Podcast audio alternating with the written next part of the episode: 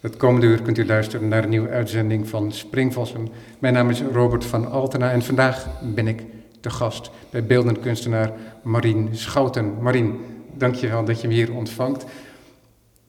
Het eerste werk wat zich helemaal in mijn hoofd heeft genesteld, dat van jou is, dat is de installatie die tot de permanente presentatie hoort in De Pont. Dat heet De Groene Kamer en wordt ook wel De Slang genoemd. Is het een van de twee namen of is het alle twee? In eerste instantie is het Groene Kamer. Ehm, maar ik wil ook iets zeggen over ehm, de huid van de tegels die over elkaar heen vallen als een soort schubben. Ja. En ook de ronde hoeken die, die, die, de ruimte heeft. En dat heeft een beetje een soort slangachtig. Ja. Een soort continuïteit van een vorm. De, Nou ja, is, ik wilde die niet alleen, de, Groene Kamer alleen vond ik wat te simpel misschien. Dus vandaar die twee namen, Groene Kamers schuine streep, slang. Ja, nou, daar komen we over het werk zeker te spreken, want het is een werk dat mij door de jaren heen is blijven intrigeren. Mm. En ik ga er ook altijd weer naar terug. Als ik naar de pont ga, dan ga ik altijd bij jouw werk langs. Leuk. Ja. Je hebt de ateliers gedaan ooit in een ver verleden. Ateliers 63 heette dat destijds nog. Je kreeg een tentoonstelling in het Stedelijk Museum, onder andere. Je bent in Bonnefante, heb je solo-presentatie gehad, als, zoals ook in Boymans van Beuningen, om uh, tot Nederland te beperken. Schilder, beeldhouwer, maar ook iemand die installaties maakt. Je hebt een duidelijke signatuur, blijven behouden door de jaren heen. Wat dat is, dat zal ter sprake komen in het komende uur. Dat werk, die Groene Kamer, dat dateert uit 2002. Ja, tussen 2000 en 2002 heb je dat gemaakt. Ja. ja. Het is een werk zoals die nu te zien is. Uh-huh. Die één ruimte beslaat. Die ruimte, is die speciaal gecreëerd voor deze installatie? Mm, ja, ja, ja, dus ik, ik had ehm, de, de, de, installatie eerst gemaakt in het tentoonstellingscircuit van het de Pontmuseum. In een zaal. En daar had hij ook een iets andere vorm. En ehm, het bestuur van de Pont was geïnteresseerd uh, om het te kopen. En maar de voorwaarde was, dan moet je het opbouwen in een andere ruimte. En uh, nou ja, die, ze hadden een ruimte in hun gedachten en uh, nou, die leek mij heel erg geschikt. Maar om het passend te maken, dus om die, die tegels hebben een bepaalde lengte enzovoort. En die, die, moest daar weer een soort uh, ruimte ingebouwd worden, zodat de, de, tegels pasten in het stramien van de, van de, nieuwe, van de nieuwe ruimte. Ja. De ruimte die bestaat uit een wandbedekking. En die wandbedekking, dat zijn, zoals je zojuist zegt, de keramieke tegels, mm. die in een bijna handels, uh, handelsmerk, in een soort signatuurgroen uh, zijn uh, uitgevoerd. Dat zijn forse tegels. Ja, ik, had een, ik werkte op dat moment bij het Keramisch Werkcentrum in Den Bosch. En daar was een machine, een, een extruder. Dat is, dat is een soort kleipomp. en die, die perst dan een, zeg maar een volume uh, klei uit een ronde opening.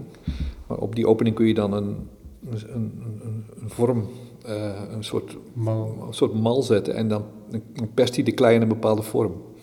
En dit was zeg maar de maximale uh, maat, soort de breedte van de, van de tegel, iets van 26 centimeter als ik, het, als ik me goed herinner. En die zou je dan, ja, die kun je dan eigenlijk heel lang persen, maar goed, die heb ik toen in, in lengtes van ongeveer 60 centimeter geperst. Het was heel belangrijk dat die tegels uh, een, huid zouden vormen, waardoor, uh, en, zodat er geen, geen breuk zou zijn. Dus vandaar dat ze over elkaar heen vallen. En ook vandaar dat, er, uh, dat de, de, hoeken rond zijn, zodat er geen, eh, geen echte hoek is. Geen hoeklijn is. Ja, ja de, de, de huid blijft voortdurend dekkend. Ja, het moest een monolithisch ding worden. Ja. maar tegelijkertijd is het ook een picturaal. Het is, het is bijna een soort schilderij. Waar je in zit. Dus daar hebben we mee te maken. En er staan ook nog twee, één of twee, denk ik, sculpturen. Het is al een tijd geleden dat ik dat uh, Eén één sculptuur. Dus het één sculptuur staat er nog ja, in. Ja, ja, ja. Um, zelfde kleur uitgevoerd, ook in keramiek. Ja. En dat is wat in jouw catalogus volgens mij gewoon een hoofd heet. Ja. En dat is zou je kunnen zeggen, hè, vergeef me de vrijheid die ik daar neem, een soort scheef aanbeeld, wat mhm. ook toch wel wat biomorfe elementen heeft. Want het is heel moeilijk te beschrijven. Dat is mhm. zo eenvoudig, zou je kunnen zeggen, als die muur te beschrijven is, zo moeilijk is het om te definiëren waar je naar kijkt, ook als je ervoor staat. Ja, Uh, ja. Om je ertoe verhouden wat het is. En omdat ze naar elkaar kijken, als het ware, Ja, ja, ja, word je gedwongen om er een eenheid van te zien. En Mm. ja, daar blijf je letterlijk, maar ook figuurlijk, altijd tussenin hangen. Ja, ja, ja. Nou, het is, het is grappig dat je eh, de Groene Kamer als een heel centraal werk ziet. wa- Want eigenlijk was het ook een soort césuur in mijn werk. Het is niet aan mij om te zeggen dat het een centraal werk in jouw Mhm. oeuvre is. Mhm. Maar voor mij is het een he- heel belangrijk punt, omdat Ja. dat het eerste werk was waar ik volledig getroffen werd. Ja. En als ik daarna andere werken van je zag, soms eerder gemaakt, soms later, Mhm. dan relateerde ik dat voor mij altijd. Ja. Dus dat lag meer aan de volgorde en de indruk die het op, Ja, ja, ja. op mij heeft gemaakt. Ja, nee, maar goed, wat belangrijk is om te realiseren is dat ik eigenlijk op dat moment min of meer opnieuw begon. Ehm, ik, ehm, ik had lang gewerkt als schilder, hè. De, je, noemde de tentoonstelling in het Stedelijk Museum en uh, Boymans op allerlei plekken, Koersalle Bern. En ehm, ja, die waren heel sterk vanuit schilderkunst gedacht. Maar tegelijkertijd zag je ook al de neiging om die schilderijen ruimtelijker te maken. Ze hadden een soort vreemde ambiguïteit.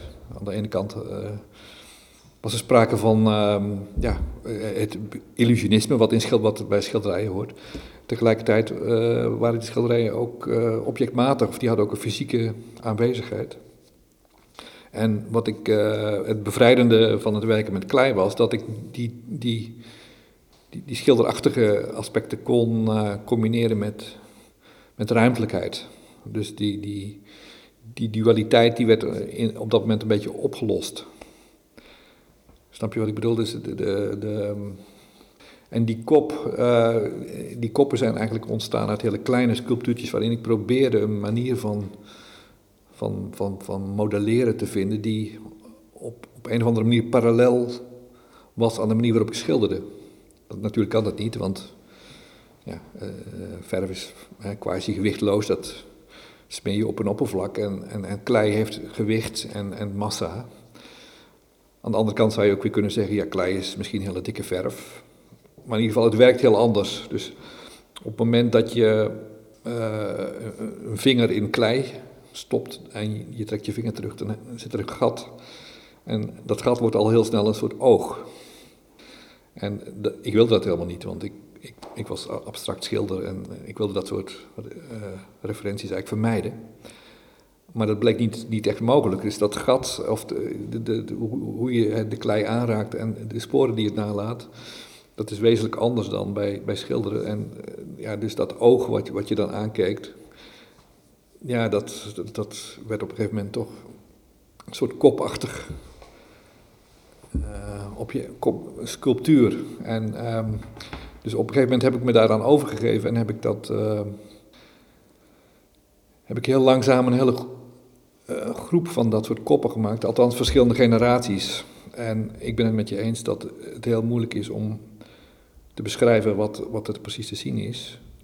Maar voor mij is het ook heel moeilijk om me te realiseren waar die kop dan, wat dat, wat dat representeert, wat dat betekent, of waar het vandaan komt of waar het naartoe moet. Vandaar dat ik, ik ben nu nog steeds met die koppen bezig.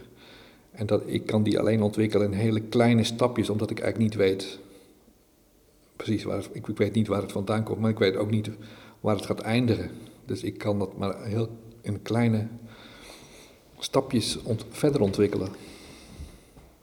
Dan is het wel interessant om te weten hoe je ze maakt. Is dat in de loop van de jaren veranderd? In de loop van de generaties van die koppen? Um, nou, eigenlijk niet. Dus ik heb. Uh, nou, de eerste waren heel klein, die waren misschien 10 centimeter hoog. En, en, toen werden ze wat groter, toen werden ze 30, 40 centimeter hoog. Maar wat ik dan vaak deed, is dat ik een. Uh, uh, ik, ik, ik gebruik, maak gebruik van, van mallen. Hè. Dat betekent dus, ik, ik, ik, heb, ik heb een origineel en daar maak ik dan gipsen mal omheen. En dat zijn dan vijf, zes delen, zo'n mal of zelfs meer. Dan druk ik daar klei in, want met, bij keramiek is het zo dat je, als je dat massief zou maken, zou het uit elkaar knallen in de oven. Dus een keramische sculptuur die moet hol zijn van binnen. Dus wat ik dan deed, dan, dan had ik, maakte ik een, uh, een nieuw origineel. Dus daar ging ik, uitgaande van de oude vorm, die ging ik verder. Dus dan veranderde ik bepaalde dingen. Dus de, de breedte, de, de bolling van bepaalde vlakken. Ja, maatverhoudingen over het algemeen. En dan maakte ik weer een nieuw mal en dan herhaalde zich het hele proces. En die, dat nieuwe product werd dan weer het beginpunt voor een volgende. Maar eigenlijk dragen al die verschillende koppen in, in, in, in lijn, ja. die dragen de andere in zich. De, de laatste, die draagt eigenlijk de andere, in ieder geval in schaduw, in echo als het ware, in zich. Ja. ja, ze worden wel meer gearticuleerd. Dus in het begin waren ze redelijk uh, amorf en ze krijgen nu meer articulatie. Ja. Op een gegeven moment ontdekte ik ook wel dat uh, die kop uh, ook terug weer terugging op bepaalde schilderijen die ik had gemaakt in de, in de jaren tachtig. Ja, dat kan ik me wel voorstellen. Ja, ik zie wel wat beelden voor me waarbij ik dat goed ja. kan voorstellen, maar met name achteraf, want vanuit een schilderij had je dat nooit kunnen denken. Nee, nee, dat, dus, dat was heel raar, dus ik had het eerst ook niet zo in de gaten. Maar op een gegeven moment dacht ik van, hé, hey, dit, dit lijkt op een schilderij wat ik in 1985 heb gemaakt. Althans, ik kreeg er ook hetzelfde gevoel bij. Dus je zou bijna kunnen zeggen dat ik op dat moment sculpturen schilderde. En nu maakten ze, ik, later maakten ze dus in klei, werden ze concreet. Maar, maar het gevoel en, en ook maar de raadselachtigheid, die, en, maar het ook niet weten van waar komt het nou vandaan, uh, dat, dat, was eigenlijk wat hetzelfde, ja. Ja, is dat, heeft dat begeleid dat ook je schilderen? Nou, vooral mijn begin, mijn, begin, uh, mijn vroege schilderijen uit de jaren tachtig, die waren heel erg tastend. En um, daarom ging ik op een bepaald moment ook rasters gebruiken.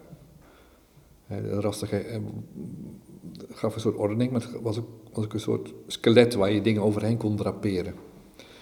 En um, de vormen die ik daar overheen schilderde, die waren vaak een soort golvend, vaak een soort haarachtig karakter. En het raster gaf daar een soort stevigheid of een soort quasi-wetmatigheid aan die, die ik nodig had. Maar dat, dat gaf ook eigenlijk wel maakte ook wel duidelijk dat ik eigenlijk niet goed wist. Um, nou ja, het was een tastend zoeken naar een bepaalde vorm die wel in mijn bewustzijn uh, bestond, maar die naar buiten gebracht moest worden. En voor de luisteraar, je bent ook uiteindelijk uit het schilderij gestapt in die zin dat je er dingen aan toevoegde? Dus metalen elementen die je uh, beslag noemde. Soms zag het ook letterlijk eruit als deurbeslag. Ja. Maar uh, dat was misschien um, idiomatisch. Kwam dat terug bij het schilderij, omdat je voor de objecten die je maakte misschien het woord beslag gebruikte? Of is dat niet zo? Nou, dat woord heeft voor mij nooit zo'n belangrijke uh, betekenis. Nee, ik, ik kwam, het, kwam het tegen in een van je ja, ja, ja, nou ja, je moet uh, soms een woord vinden voor om iets te, uh, te beschrijven. Maar um, wat, ik, ik, ik ben aan de ene kant erg gesteld op, op de, de illusoire kwaliteiten van een schilderij. Dat je, hè, dat je echt naar een, naar een, andere wereld kunt kijken. Dat, dat, dat is de potentie van schilderkunst. Uh, tegelijkertijd had ik uh, de behoefte om dat te checken of dat te, een soort tegenspraak te vinden in, in de concreetheid van het ding zelf. En dat is wel een soort constante die ik eigenlijk voortdurend heb gezien in mijn werk. Dus dat ik de ordening en, versus het, het, het organische of het vormeloze. Dat zijn twee aspecten die wel voortdurend ja. een rol spelen. En je voegt op een gegeven moment elementen aan toe. Vaak is dat metaal, maar het kon ook hout zijn. Je stapte uit het schilderij, je maakte ook muurschilderingen. Ja. maar die muurschilderingen die gingen dan weer een relatie aan met, met je schilderijen. Ja. De ruimte, de mise en scène speelde binnen je tekeningen en schilderijen een rol. Mhm. Maar uiteindelijk ook daarbuiten, waardoor je een veel lagere uh, illusie krijgt. Mhm. En um, een soort schommeling voortdurend tussen het concrete en de vorm en inderdaad mogelijke representatie. Hè? Misschien kan ik dat, uh, Kan ik dat zo zeggen.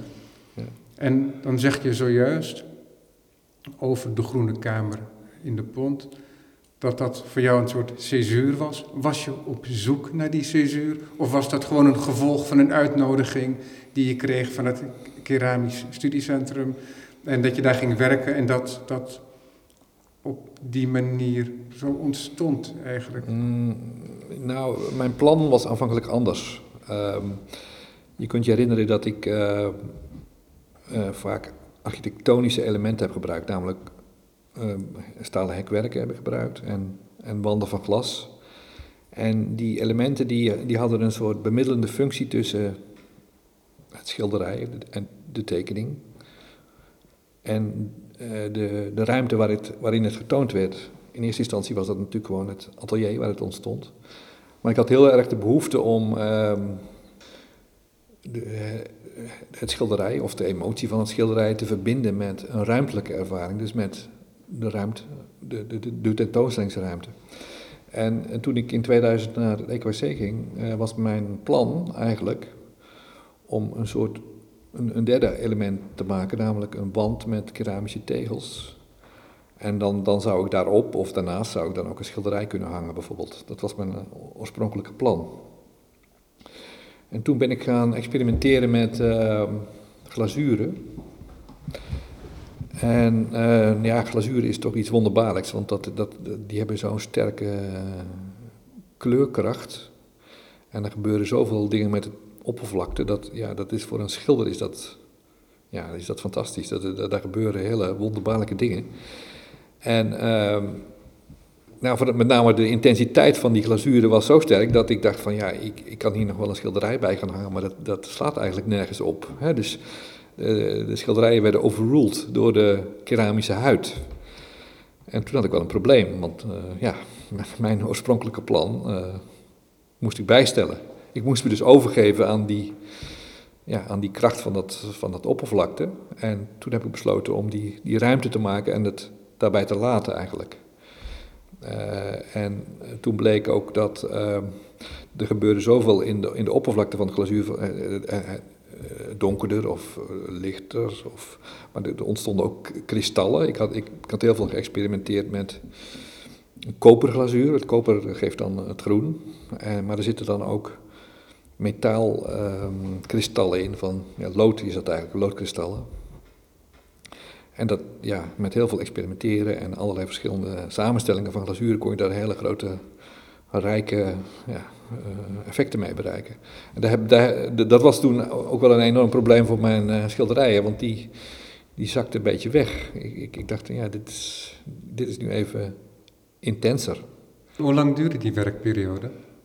Uh, ja, die zou eerst drie maanden um, duren, maar die, die is een aantal keren verlengd. Want ik, ik, ik, ik dat uh, plan op om, de, om een ruimte met tegels te maken. En toen heb ik uh, Hendrik Dries uitgenodigd van de, de Pontmuseum.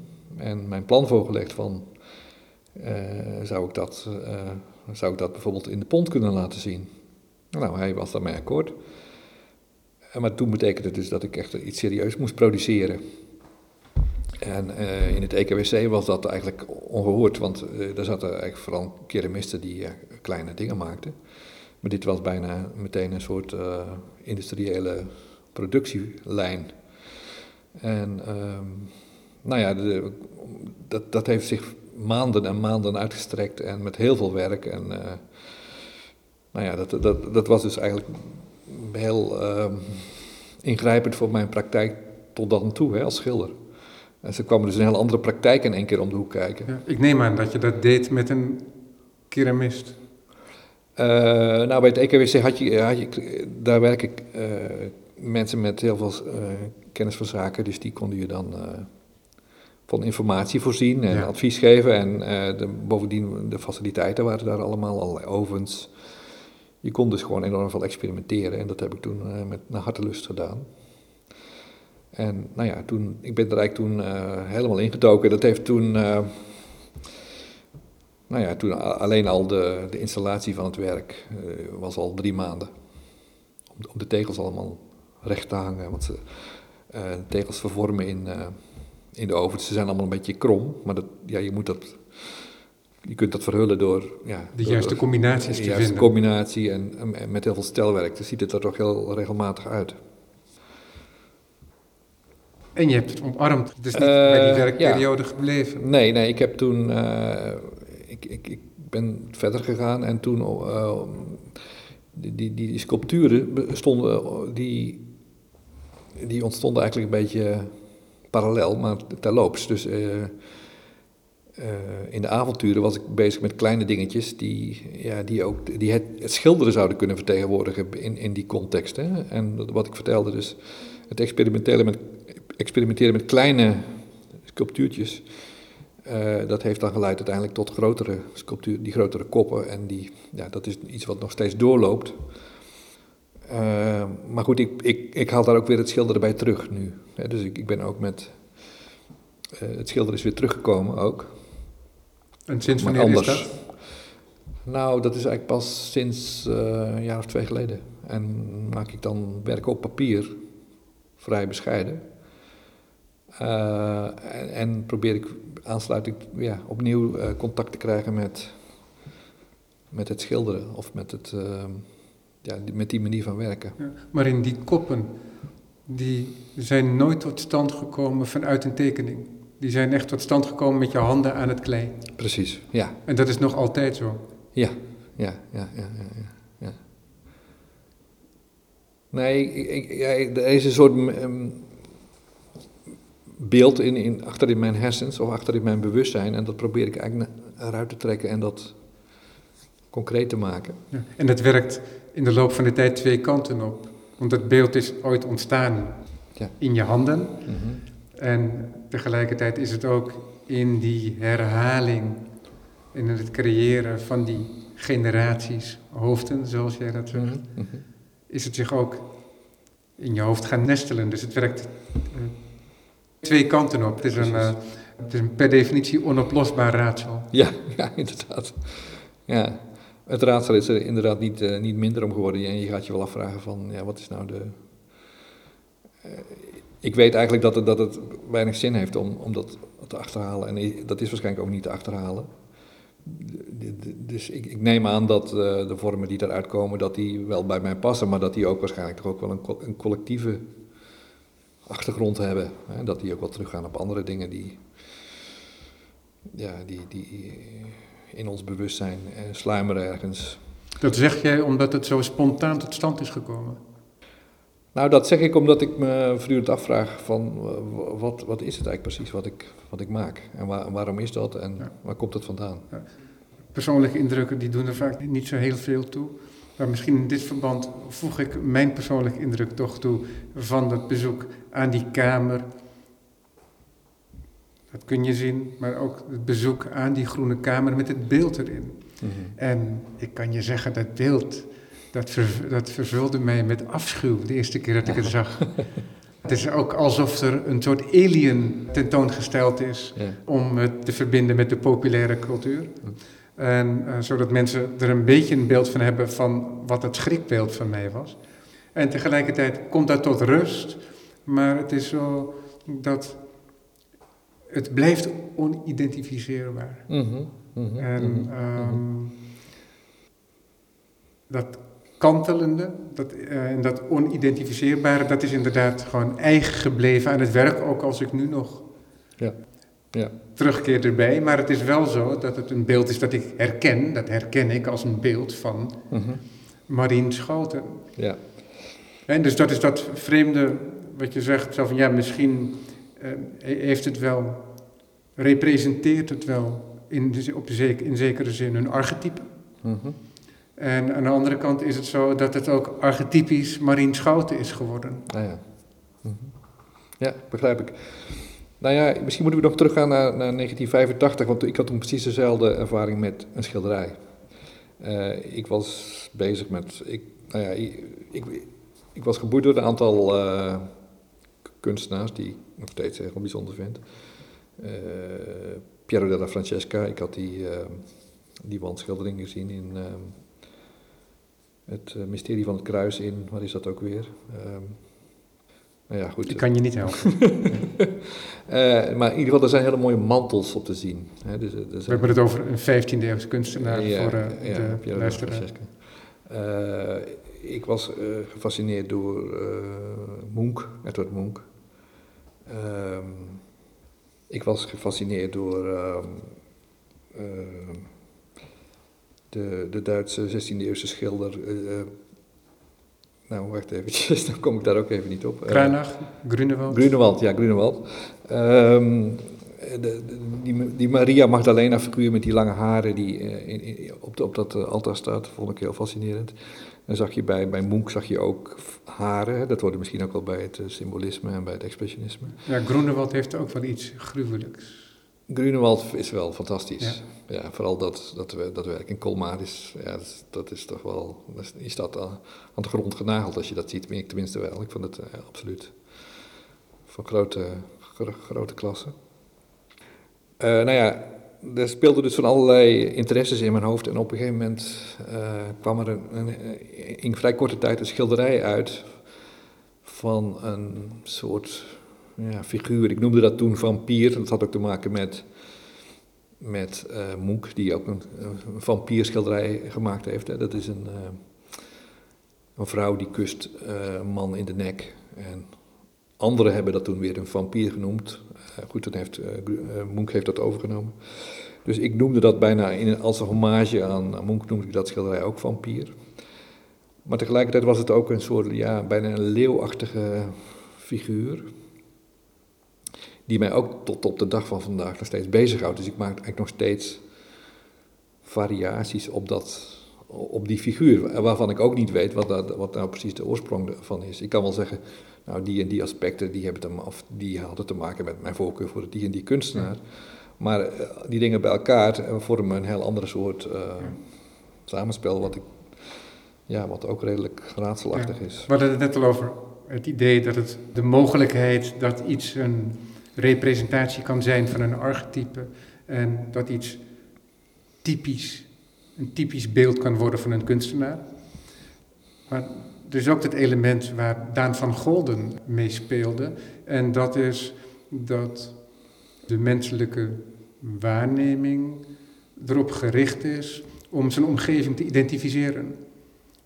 Dus als je in een wat complexer beeld, als je dat niet kunt duiden, dan gaat je hoofd dwalen en die probeert een moment te zoeken waarin die samenvalt met een verbeelding. Dat is, Ja, dat is mooi dat gezegd, ja. dat, dat Ja. is iets waar we bijna niks aan kunnen doen. Ja, ja. Zo, zo zijn we geëvolueerd. En, en misschien speelt dat element daarin ook een rol. Hè? Omdat je zegt, ik noem het ook wel een leeuwfiguur. En dus dat er iets ontstaat en dat de associatie die er dan bij komt, die referentieel is, Mhm, mhm. Dat die het beeld ook voor jou weer kan veranderen vervolgens. Ja, ja, ja, ja. ja, ja. Ik denk eh, het, het greep willen krijgen op dat beeld, dat kun je natuurlijk doen door het nog eens, nog eens te maken of net iets anders te maken. En dan, wat er gebeurt is dan dat dat motief krijgt een bepaalde geschiedenis. Hè? Want je hebt het één keer gedaan en nog een keer en toen weer net wat anders. Ja. En, en door het vergelijken van die verschillende pogingen krijgt dat motief een rel- relief en dan krijgt het ook een, ja, een, een eigen eh, zijnsgeschiedenis. Ja. En kun je er ook langzamerhand over gaan denken. Van wat, hè, dus het krijgt een eigen lichaam. En dat, dat, eh, dat, dat, misschien, dat vind ik misschien wel een heel belangrijke taak voor kunstenaars om, om, om bepaalde motieven te voorzien van een lichaam. Zodat je ze kunt waarnemen, zodat je er sensaties bij kunt hebben en zodat je er ook zodat je ze ook toe kunt eigenen op een gegeven moment. Het leidt, het leidt tot nieuwe ervaringen. Dat is, en dat is, eh, ja, die, die, die nieuwe sensaties, dat is waarschijnlijk de, de, de rol van, eh, van kunst. Ja. En toch is er hier iets anders aan de hand. Dat spel met die motieven, dat begeleidt jouw hele kunstenaarschap, Ja. denk ik. Ja. In zoverre ik dat kan overzien. Ja. Maar in, je, laten we zeggen, je eerste schildersfase, waren die motieven eh, die je, eh, laten we zeggen, isoleerde en soms uitvergroten tot eh, grote muurelementen. En soms zaten ze en in de muurschildering en in de tekening of in de, in de schildering, in de schilderij. Soms kwamen ze ook als een opgezet stuk object vast te zetten aan je schilderijen. Maar dat waren vrij eenvoudige vormen over het algemeen. Ehm, soms samengesteld, maar laten we zeggen, dat waren een soort contourvormen. Mhm. Die over het algemeen één kleur hadden, of een non-kleur zo je wilt, eh, Ja. dat het wit was. En in dit geval met, met het hoofd is het het tegenovergestelde. Het, he- het heeft bijna geen contour. Dus Het heeft geen duidbare contour. Het is zo moeilijk om die te definiëren, want als je eromheen draait, Mhm. is die veranderlijk. Ja, ja, ja. En in je eerdere werk lijkt gemaakt als om op een theatrale wijze, op een theaterwijze. Dat er toch een hiërarchie is, dat er een, een bühne is, er is een Mhm. achterwand, er is een doek in de vorm van een raamwerk bijvoorbeeld. Mhm. Ja, dat is een opmerking of een vraag. Nou ja, dat is, dat is, dat, ik wil alleen maar zeggen dat ik, dat, dat eh, idee van die motieven, dat is iets wat jouw werk begeleidt. Alleen in dit geval is het zo dat het motief zich niet laat duiden bijna. Nee, nee. herkent het wel, Nee. maar het blijft onduidbaar. Ja. En dat is toch anders Ja. met de Nou ja, ik, motieven ik, je heb eerder- eh, over motieven. Ik, ik, ik, ik, heb natuurlijk ook een bepaalde opvoeding en een bepaalde. eh, ik ben opgevoed in de tijd van minimalkunst, hè, conceptkunst. En ik heb een tijdje gewerkt voor eh, een aantal jaren voor eh Solowit. Die ook met bepaalde motieven, de, de kubus of de, eh, het raster, of de, eigenlijk de, de, kubus eigenlijk met name. Daar heeft hij ongelooflijk veel variaties meegemaakt en combinaties ook. Die werkwijze heeft, dat, is, heeft dat, zou, dat zou je misschien wel kunnen zeggen, want dat heeft daar wel een, dat daar een overeenkomst is. Hè? Dus dat systematische heb ik misschien wel opgepikt daarvan, dat zou kunnen.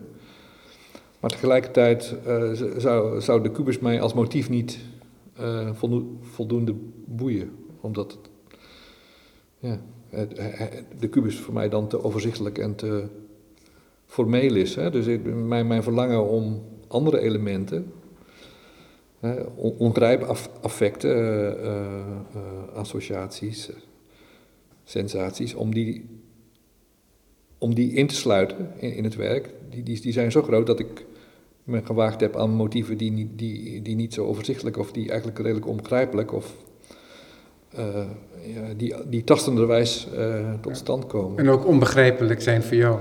Ja, ja, ja.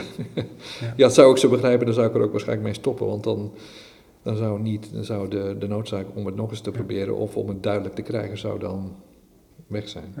Is het zo dat je ook wel eens tekeningen of schilderingen hebt gemaakt van het hoofd? Eh, jawel. Ja, jawel. Maar dat was nooit zo. dat, dat, dat voelt een beetje als eh, tweedehands. Dus ik, ik, ik heb vaker gewoon geprobeerd een beter hoofd, een beter, ik noem ze meestal, ik noem het koppen Kop, meestal. ja. Eh, om, om het nog beter te doen. En dat heeft echt wel vaak te maken met van het moet iets breder zijn of het moet iets. de, de, de basis moet wat smaller of breder. En, eh, ja, de on- er, zitten, zitten hele onbegrijpelijke eh, eisen of aan, aan de expressie van, van het ding, wa- wa- waardoor ik dan besluit, het moet dan toch weer wat anders. En dan, dan is er ook weer de noodzaak om dat dan ook echt te gaan maken. En nu, nu ben ik boven weer bezig met, met een nieuwe versie. Na, na eigenlijk een periode van twee jaar dat ik er niet aan gewerkt heb. En hoe werk jij nu? Nog altijd via die, in die generationele verandering van ja, de ja, ja, ja, ja, ja. Nou, ik heb nu een tentoonstelling in, ehm, in Denemarken. En toen zag ik de koppen die ik eh, ja, drie jaar geleden heb gemaakt. Toen dacht ik van, hmm, dus, dat, ik, het, was, een goede, het was een goede ervaring om ze terug te zien. Maar tegelijkertijd kreeg ik het, idee van, nee, je moet, je moet nog verder. Je moet nog een... eh, Ik had eigenlijk daarvoor eh, besloten om een tijdje niet daarmee bezig te zijn en het schilderen weer op te pakken, wat ik ook gedaan heb. Maar de tentoonstelling in Denemarken heeft ertoe geleid dat ik toch weer een nieuwe poging ga doen. Ja, dat is een tentoonstelling waar die koppen te zien zijn. Ja. Maar zoals je denk ik, al je tentoonstellingen is het niet zo dat het alleen maar de beelden laten zien, maar dat het een grotere installatie vormt uiteindelijk. Ja, het is een installatie met ehm, zes panelen van kathedraalglas. En kathedraalglas is een, een structuurglas wat heel oud is uit de jaren 50 of dat, het is glas wat je allemaal wel kent, uh, wat, wat in badkamers en wc's zat, waardoor alles wat erachter is wolkig wordt. En uh, op een bepaald moment uh, heb ik in Witte de Witte Rotterdam heb ik, ben ik daarmee begonnen als reactie op een vraag eigenlijk. Dus de, Witte de Witte had mij uitgenodigd om mee te doen aan, aan de tentoonstelling over wandschildering er werd van mij verwacht dat ik een wandschildering zou maken.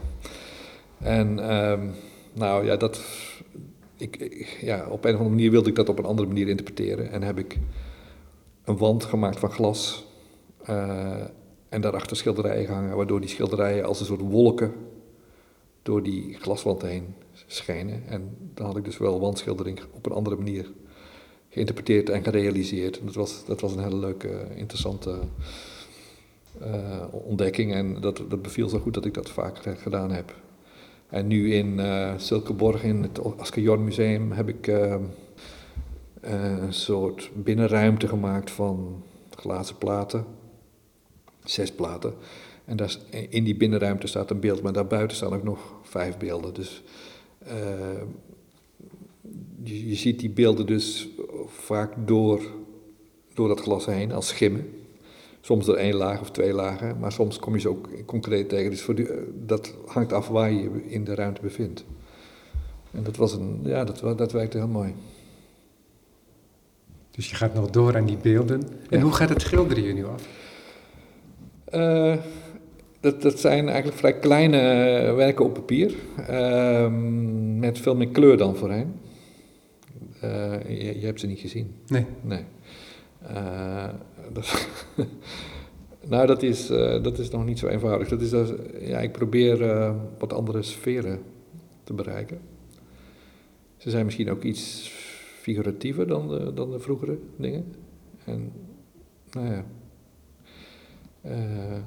sommige, sommige ben ik tevreden, andere niet. dat is nog een beetje open. En zijn ze beïnvloed door die koppenreeks? Of staan ze daar helemaal los van? Nee, ze gaan eigenlijk weer terug op dat vampierschilderij. Eh, maar ik, eh, dus dat van, die vampier werd op een gegeven moment uh, een leeuw. En ehm, op een gegeven moment hebben, begon die leeuw, daar, daar, kwam, kwam een rode, verf uit. Het werd een soort gewonde leeuw, noemde ik het op een gegeven moment. toen heb ik twee tentoonstellingen gemaakt. Wounded Lion of Gewonde Leeuw bij Paul Galerie.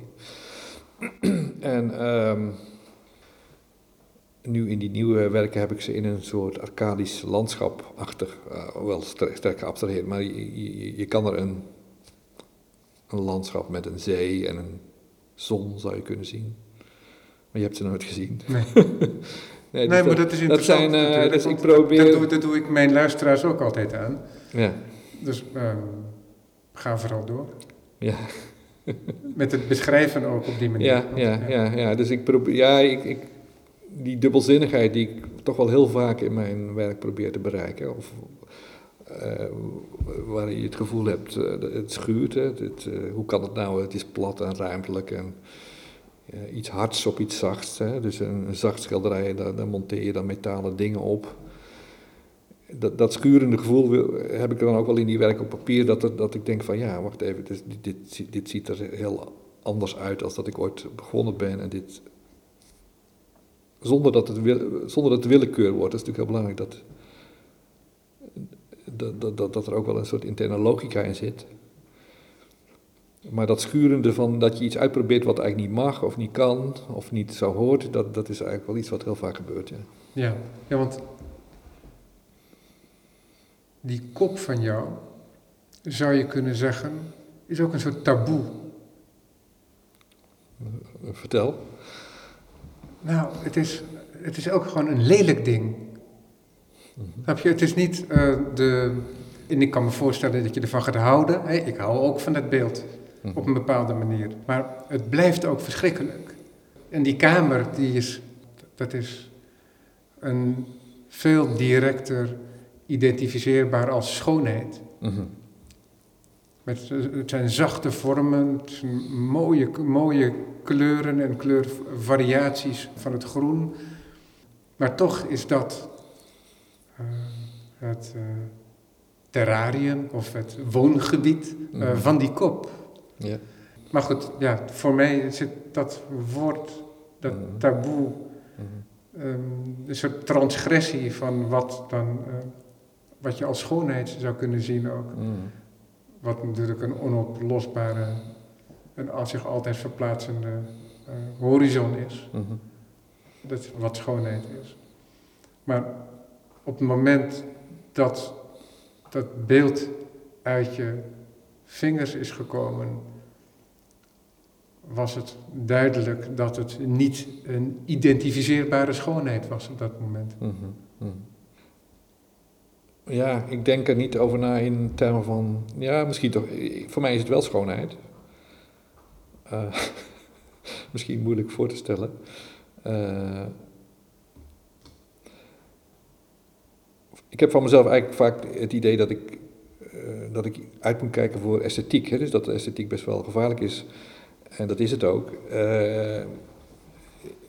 Maar ik heb, niet, ik heb niet het gevoel dat ik iets lelijks doe. Maar ik, ik, als ik dan door, door de ogen van een ander kijk, zie, kan ik wel zien dat het een lelijk ding is. Ja. Ja. ja je bent niet bezig om iets te maken om. Je bent niet met het publiek bezig als Nee. je met, met, met die kop bezig bent. Nee, nee. Nee, je moet dus ook, ik, ik, ik had op een gegeven moment een soort, ja, of ik had een innerlijk beeld en dat probeer ik naar buiten te brengen. Oh, was dat echt zo? Was je echt aan het uitbeelden? Ja, Of is het een onbewuste? Nou, uh, het is, laten we zeggen, uh, het, het, ik denk dat dat eigenlijk altijd is. Als je iets maakt, een schilderij maakt, dat, dat, dat bestaat al. Er bestaat een ideaal beeld van het schilderij wat je gaat maken, al bestaat al enigszins in je, in je bewustzijn. Ik, ik, kan me niet voorstellen dat je zomaar begint te schilderen. Althans, dat zou mij echt niet passen. Ik zou dat, dat zou me ook niet interesseren. Dus ja, hoe, hoe, je dat, hoe je dat virtuele beeld, dat droombeeld of, of dat bewustzijnsbeeld zou moeten noemen, dat is, dat is lastig. Maar je probeert iets wat, een soort ideaalbeeld wat je, in je, in je je bewustzijn hebt, dat probeer je als het ware te grijpen en te voorzien van een lichaam. Ja, maar, ben, maar kijk jij echt met een innerlijk oog? Of ben jij, of speel, is, dat iets, is dat iets wat zich afspeelt tussen het klei en je vingertoppen. Hè? Dan heb ik over het eerste moment dat de eerste kop ontstond. En dat er in die manipulatie van die klei, ja, natuurlijk heb je altijd een interactie en is het veel complexer. Ja. Maar was dat inderdaad zo een intuïtief spel met het klei en je was iets aan het creëren? Of keek je echt met een innerlijk oog naar een afbeelding? Die je in je hoofd had en probeerde je dat... Dat laatste, ja. Echt ja, waar? Dat laatste, ja. Ja, ja. ja. In die zin is het misschien ook helemaal niet creatief. En is het, uh, zit er een zekere uh, dwangmatigheid achter. Van, ja. uh, dus gewoon maar gaan spelen en, en, en, helemaal niet weten wat eruit komt, dat, dat, ja, dat, dat hoort waarschijnlijk niet bij mij. Uh, dus, uh, het is wel degelijk uh, reageren op een innerlijk beeld wat je naar buiten brengt. Ja. Is dat nog te onderscheiden, dat innerlijk beeld, van de veruiterlijking ervan? Namelijk die verschillende generaties koppen? Nou, ik denk dat uh, dat innerlijk beeld, uh, dat, dat zei je zelf ook al, dat verandert waarschijnlijk. Dat is ook moeilijk te ontrafelen op een gegeven moment, omdat er een soort wisselwerking ontstaat. Ik denk dat het oorspronkelijke beeld uh, vrij vaag was, het innerlijke beeld, hè, waar ik het nu over heb. En dat het, dat het door het vele werken eraan langzamerhand wel meer ja. details en contouren en, en articulatie heeft gekregen. Ja. Als schilder was je heel erg geïnformeerd. Je keek heel veel um, naar ja. historische voorgangers. Je keek uh, naar je tijdgenoten. Je mm-hmm. werkte met een van je grote tijdgenoten. Ja. Hè? Dan Zwarte-Wit, die was toch al gewoon een uh, geaccepteerde naam. Ja. Hoe is dat met beeldhouwkunst? Toen je daaraan begon? Nou, gek genoeg uh, had ik in het begin van mijn schilderkunst had ik, had ik ook geen greep. En uh, dat, dat, dat leidde tot zo'n, uh, nou misschien wel crisis, dat ik op een gegeven moment bepaalde elementen waar ik geen greep op had, heb laten vallen en me op wat meer formele dingen heb gericht op dat moment. Dus als we teruggaan naar het schilderij van de vampier, dan, dan, kun je zeggen, want het is een figuur in een landschap. Het is een leeuwfiguur in een landschap met aan de zijkanten heb je ook wat ja, plantaardige vormen. En die, die, die, die leeuwenfiguur die kreeg maar niet... Men, bedenk, uh, ik, sorry dat ik je onderbreek, maar ik bedenk me opeens dat mensen zomaar zeggen... Douanier Rousseau voor de geestkanalen met deze beschrijving. oh, oh oké, oké. ja, dat, dat denk ik niet. Maar ja, dat zou kunnen, ja. ja. Maar goed. Dat zou kunnen. Maar uh, met die, laten we zeggen, met de figuur in het centrum van, van, van het schilderij, de, de, de, daar, ik kwam er gewoon niet uit. En op een gegeven moment heb ik besloten, ik, ik laat het gewoon even achterwege. Dus het, het centrum werd leeg. En ik hield me bezig met de randen van het, uh, van het schilderij. Of dat werden toen tekeningen, dat werden dus alleen maar randen en rasters. En toen ben ik gaan, uh, eigenlijk veel formeler, heb ik een tijd veel formeler gewerkt. Zodat ik alleen maar met die elementen, de randen uh, rasters, en, en, en, maar ook rasters die dan geconcretiseerd werden in de vorm van bijvoorbeeld houten rasters of planken. En toen kwam er ook nog dat beslag bij. Dus dat was veel meer een, een, een formeel spel met beeldelementen. En toen heb ik een tijdje dat, dat, dat onbegrijpelijke motief uh, achterwege gelaten. Dan ben je nog altijd, was je nog altijd gericht op schilderkunst? Ja. En heb je, voordat je met je handen aan die klei begon te zitten, had je dezelfde aandacht ook voor beeldhouwkunst? Nou, het, interesseerde me altijd wel enorm. Bovendien, eh, dat, dat geldt ook voor, voor architectuur. Dus ik heb altijd veel naar architectuur gekeken en ook beeldhouwkunst. En ja, als ik aan het schilderen was, dacht ik van, nou, ik zou eigenlijk best wel graag architect zijn. Of ik zou graag beeldhouwer zijn. Ik, ik, ik, herinner me ook een reis naar Egypte waar, ik zo onder de indruk was van ja, die monolithische beelden die zo'n zo sterke presentie hadden. Dat dat ook uh, ja, jaloersmakend was. Hè? Dus uh, ik heb me een tijd toen echt in sculptuur uh, verdiept en dat, het resultaat was dat, dat de schilderijen een beetje wegvielen. Dus ik, ik verloor een beetje mijn geloof in schildkunst. dus ik, mijn verliefdheid met de schilderkunst was over. Ik, ik, ik richtte me op, op andere dingen. Dat is ook best wel lastig als je al een hele carrière hebt als schilder. En dat, op een gegeven moment glijdt dat een beetje van je af. Je houvast is weg. Je houvast. Die, waar je zo hard hebt voor het gestreden. Precies, precies. Dat, en dat gebeurde nou net uh, in die periode rond de Groene Kamer. Dus eh, inderdaad was dat een nieuw begin. En als je daar dan een tijd mee bezig bent, dan zie je dat bepaalde, bepaalde motieven die precies hetzelfde zijn, toch weer terugkomen. Op een andere manier, maar vergelijkbaar. Uh, en ja, langzamerhand kun je dan die, die verschillende zaken ook met elkaar integreren. Dat is eigenlijk wat er gebeurd is. Ja.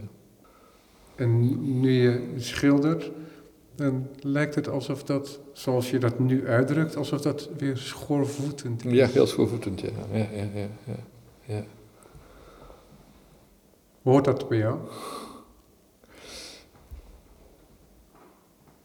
Wellicht ja. ja, dat is een lastige vraag. Uh, maar ik, ik, zie wel vaak dat ik uh, eerst heel uh, geconcentreerd in, in, in, op kleinere schaal met iets begin en dan groeit het uit tot iets wat, wat, wat, wat ja, lyrischer wordt en, en, en, en ook groter wordt. En dan op een gegeven moment moet het weer terug naar compacte en het gearticuleerde. Dus dat, die, die, dat, uh, en dan begint het pas eigenlijk echt? Of niet? Mm, of, sta nou, je toe, sta, of sta je toe in je werk dat al die fases tot uitdrukking komen? Nou, het, het, fijne is dat je als je zo al decennia bezig bent, dat je uh, eigenlijk uh, een aantal werkwijzes, en maar ook een aantal motieven, een aantal beeldelementen, die, die zitten in, jou, in, je, in je rugzak. Daar, daar kun je mee hè, daar- de- die kun je inzetten. En dat, is wat ik nu wel doe. Eh, dus die, die, die glazen wanden en die, die hekwerken, die, die kan ik tevoorschijn halen. Daar, daar kan ik iets mee doen. Ik beheers dat ook. En die kan ik daar weer afzetten tegen andere elementen. En dat, dus die, ze creëren een omgeving voor elkaar. Dus, als, ja, dus die- ja, het, is een soort sandwich effect. Dus je, als je met schilderen, eh, als het moeizaam gaat, kun je daar andere elementen bij halen die, die een, een omgeving creëren voor, voor het schilderij en waardoor het schilderij ook weer kan groeien. Ik weet niet of ik me duidelijk uitdruk, maar... Ja, kijk, als je dat zo zegt, dan lijkt het er ook op alsof je je niet wilt eh, beperken tot het ene object. Dus dat de installatie, dus de presentatie waarbij jij als regisseur het geheel beheerst, eh, dat dat het uiteindelijke werk is. En dat ook al maak je schilderijen en ook al kun je dat schilderij eruit isoleren en de fortuinlijke die kan dat dan aan zijn muur in zijn huis hangen bijvoorbeeld, of een collectioneur in zijn privémuseum. Zo kan dat ook functioneren, maar zolang jij het voor het zeggen hebt, is het zo dat je de hele omgeving ook wilt controleren. Ja, Dus ja. enerzijds lijkt je vrij bescheiden hè, Mhm, in je mhm. aarzelende gang. Mm. En anderzijds is het zo dat je juist als een soort demiurg ehm, Ja, dingen ik- wilt blijven Ik controleren. ben ook heel rusteloos tegelijkertijd, als het over media gaat. Dus ik- be- bepaalde motieven zijn eh, heel bijna dwangmatig, of, of eh, die herhalen zich steeds. Maar ik ben ook weer heel, ik ben wel los als het gaat over, de, over het toepassen van verschillende media. En ik moet je zeggen, de, het, het idee van, van Greenberg, van die, van die mediumspecificiteit, die heb ik altijd als, eh, als, als belemmerend ervaren. Dus dat je, dat je, dat je moet kiezen tussen, tussen verschillende medium. Je bent schilder of je bent beeldhouwer. Of Ja, en dat een schilderij eh, de schilderkunst en, en de verf uitdrukt. Precies, en, En, het is, dat het is niks plat. anders mag verbeelden. Nee, het, is, het, het moet plat zijn, het is, het is verf op een drager.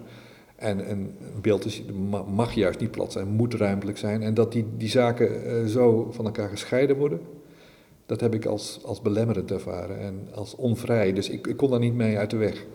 Terwijl dat nu eigenlijk nog steeds eh, wel heel erg bepalend is voor de manier waarop we naar, naar kunst kijken en de kunstmarkt. Hè, dus je, je- de onderverdeling in schilders, beeldhouwers, architecten. Eh, je, je moet binnen je hokje blijven, zeg maar. Dat, is, dat wordt van je verwacht. Binnen de, eh, dat heb ik altijd heel erg eh, moeilijk mee gehad. En ik dacht natuurlijk aanvankelijk ook van, ik moet schilder worden, dus ik, ik mag alleen maar schilderijen maken. En dat heeft niet stand gehouden. Nou, dat kan voor velen een hele belangrijke en zinvolle beperking zijn. Ja, nee, als je die belemmering niet voelt, is dat natuurlijk prima. En is dat ook, eh, ja, ik kan daar jaloers op zijn. Ik, Ja. ik kan dat niet. Maar het uiteindelijke werk, dus daar ben ik bijna dan geneigd te zeggen, is als je bijvoorbeeld nu naar Silkeborg gaat, naar het Mm. Askejorn Museum, want daar is dan zo'n presentatie te zien. Hè? En je hebt natuurlijk ook zo'n kamer dan in, Ja. in de pont nu. En, Ja. ehm, zie je dat zelf ook zo? Nou ja, wat ik al zei, mijn verhaal kan de indruk geven dat, dat, dat er sprake is van willekeur of van... van Nee, sprong- dat noem ik geen willekeur. Nee, nee, maar, maar- maar, da- maar daarin is, een, is wat je kunt beschouwen als een afwerk, een schilderij, een beeld, Ja. wordt op het moment dat jij een tentoonstelling gaat maken, eh, materiaal. ja, En, eh, klopt. Maar heel complex materiaal, Mhm. maar toch. Ja, maar wat je wel ziet is de stemming is wel continu. Dat is dus een continue stemming die heel erg doorgaat. En dus die, die, die- dat is misschien ook wel de ja, kenmerkende gevoel wat, wat mijn werk oproept, denk ik. ja, het is interessant om dat woord stemming inderdaad te gebruiken. Dat is iets wat ik niet heel veel hoor voor Nee. deze microfoons. Nee, nee, nee. Dat, is, hè, dat is een term die je zelfs misschien met een hele vroege Mondriaan, een symbolistische Mondriaan verbindt of een Munch. Ja.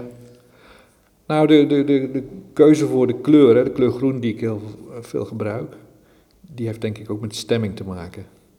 We we komen natuurlijk uit een eh, traditie met eh, rood, geel en blauw, de stijl. hè, de, de primaire kleuren. En groen is dan een keuze voor een stemming in plaats van formele opposities van, kleur, van, van, van, van formele kleuren. Marien Schouten. Stemming, dat is het begin van ons volgend gesprek. Ik dank je voor uh, dit gesprek.